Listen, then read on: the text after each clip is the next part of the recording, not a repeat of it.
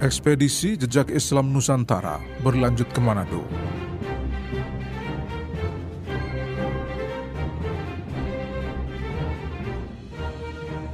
Saya saat ini sedang menuju ke Kampung Jawa Tondano.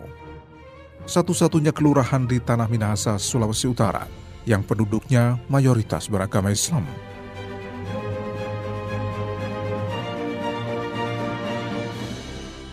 Kampung Jaton, singkatan dari Jawa Tondano, letaknya sekitar 35 km dari kota Manado dan berada di ketinggian sekitar 1000 meter di atas permukaan laut.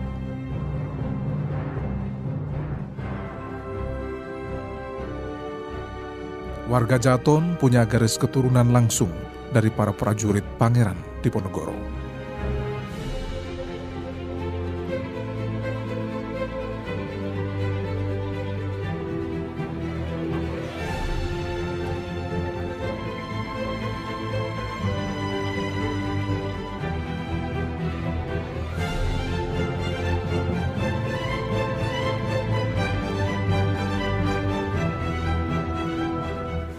Sejak berada di Banggai, Ternate, dan Tidore, saya mendapati suasana yang sangat damai.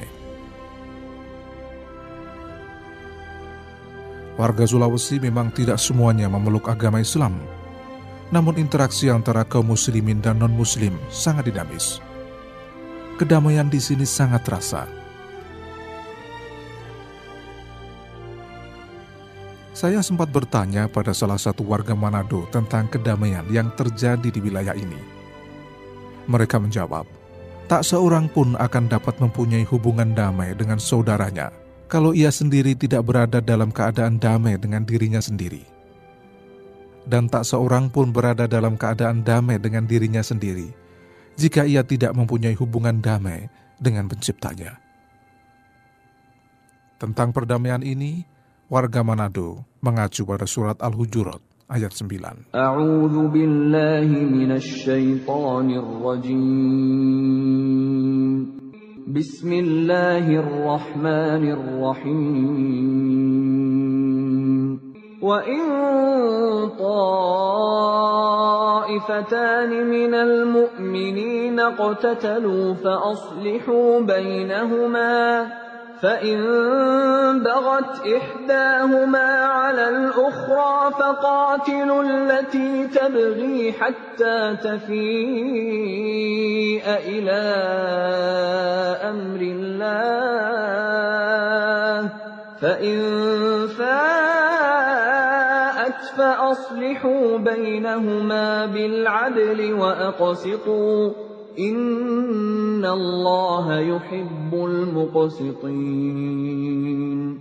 Aku berlindung kepada Allah dari godaan syaitan yang terkutuk dengan nama Allah yang Maha Pengasih, Maha Penyayang. Dan apabila ada dua golongan orang mukmin berperang, maka damaikanlah antara keduanya. Jika salah satu dari keduanya berbuat zalim, terhadap golongan yang lain, maka perangilah golongan yang berbuat zalim itu, sehingga golongan itu kembali kepada perintah Allah.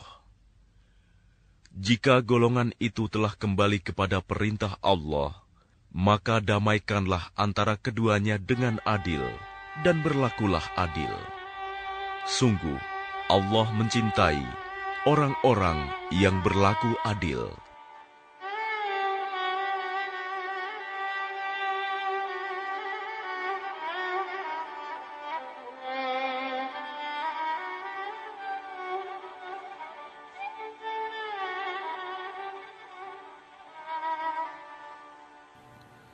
Kampung Jawa Tondano menunjukkan eksistensinya sejak tahun 1831 ketika Kiai Haji Muhammad Ghazali Mojo dibuang pemerintah kolonial Belanda di wilayah Tondano.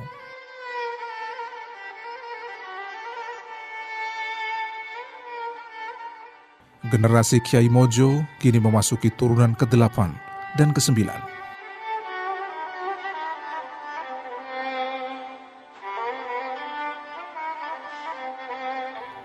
Menurut sesepuh warga Jawa Tondano, Haji Husin bin Hud Asegaf, Saat dibuang Belanda dari Jawa ke Tondano karena dianggap membahayakan pemerintahan kolonial, Kiai yang berasal dari Mojo, Solo itu diasingkan bersama 63 pejuang yang semuanya laki-laki.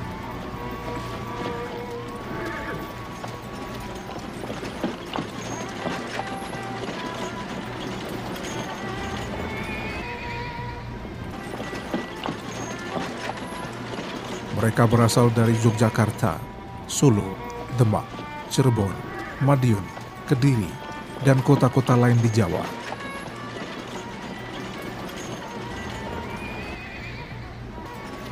Mereka adalah para laskar yang setia dengan Kiai Mojo, yang juga paman Pangeran Diponegoro.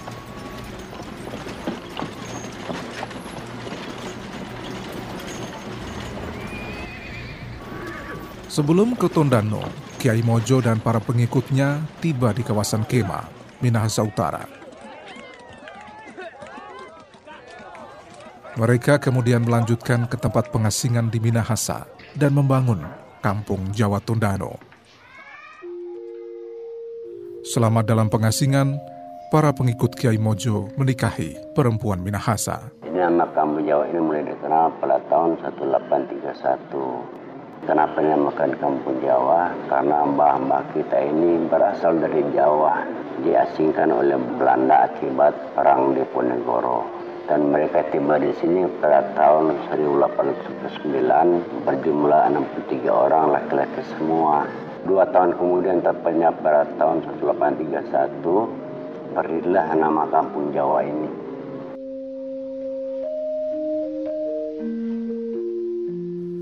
Kiai Mojo lahir sekitar tahun 1792 dan kemudian menjadi ulama yang sangat berpengaruh di daerah Pajang, dekat Delango, Surakarta. Nama sebenarnya adalah Muslim Muhammad Khalifah.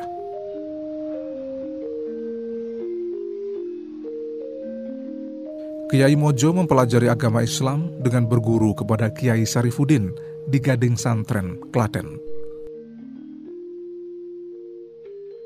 Setelah dewasa, ia berguru kepada salah satu kiai di Ponorogo. Sepeninggal ayahnya, Kiai Mojo melanjutkan tugas ayahnya sebagai guru agama di pesantren Mojo.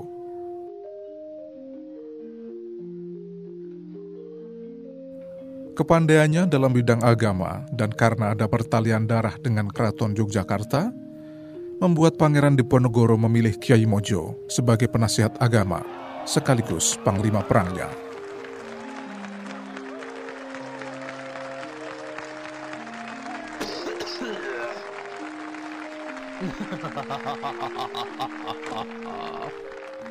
Dekadensi moral yang terjadi di keraton kemudian berimbas pada kehidupan masyarakat yang semakin menderita.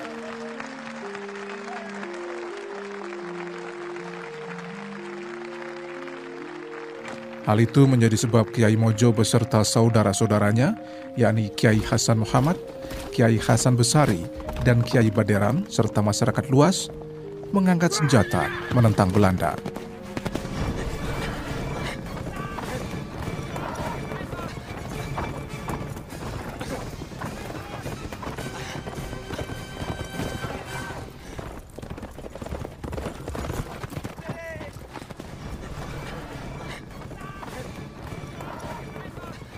Setelah ditangkap oleh Belanda, tanggal 17 November 1828, di Dusun Kembang Arum, Jawa Tengah, Kiai Mojo dibawa ke Batavia dan selanjutnya diasingkan ke Tondano hingga wafat tanggal 20 Desember 1849 dalam usia 57 tahun.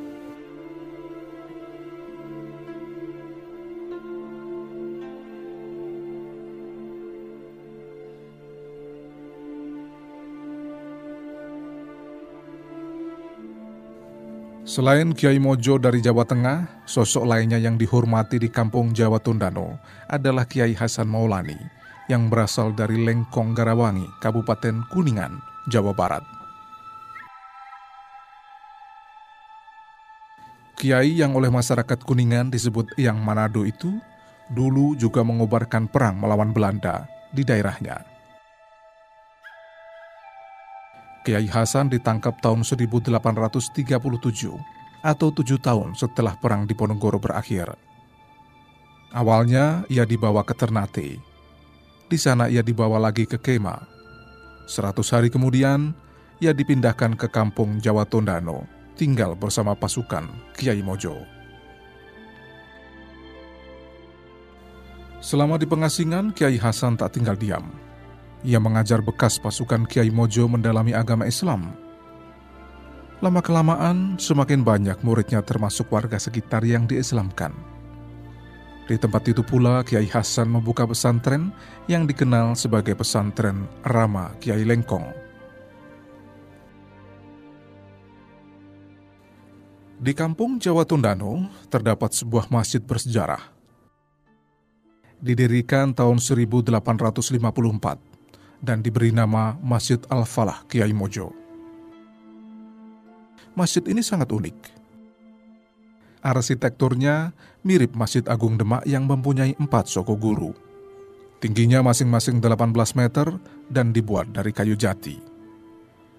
Di masjid ini juga terdapat mimbar bertuliskan ayat-ayat suci Al-Quran yang diukir oleh para kiai. Berikut penjelasan pengurus Masjid Al-Falah Kiai Mojo, Ustadz Sahrir Isa. Ini mimbar yang ada kaligrafinya Pak Kiai Kosasi. Ini mengandung kawaid. Dalam kawaid ini mengukirkan Islam, iman, dan ihsan. Berpatokan yang tertera dengan kaligrafi ada tentang iman, Islam, dan ihsan.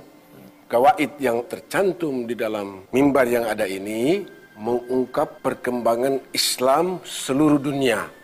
Ini tulis wama atakum rasulu fakhudhu wama tahakum anhu fantahu. Sesungguhnya ini didatangkan oleh Rasulullah sallallahu alaihi wasallam ini agama Islam ini kepada umat yang ada di dunia ini.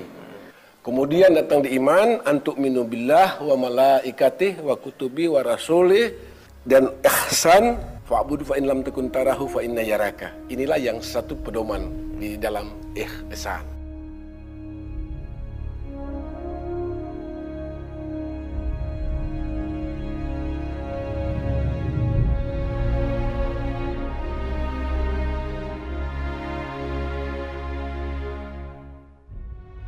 Pangeran Diponegoro dan Kiai Mojo yang jenazahnya dimakamkan di Makassar dan Jawa, Tondano ini bukan sekedar pahlawan nasional yang berjuang melawan pemerintah kolonial Belanda semata-mata karena urusan tanah atau tahta.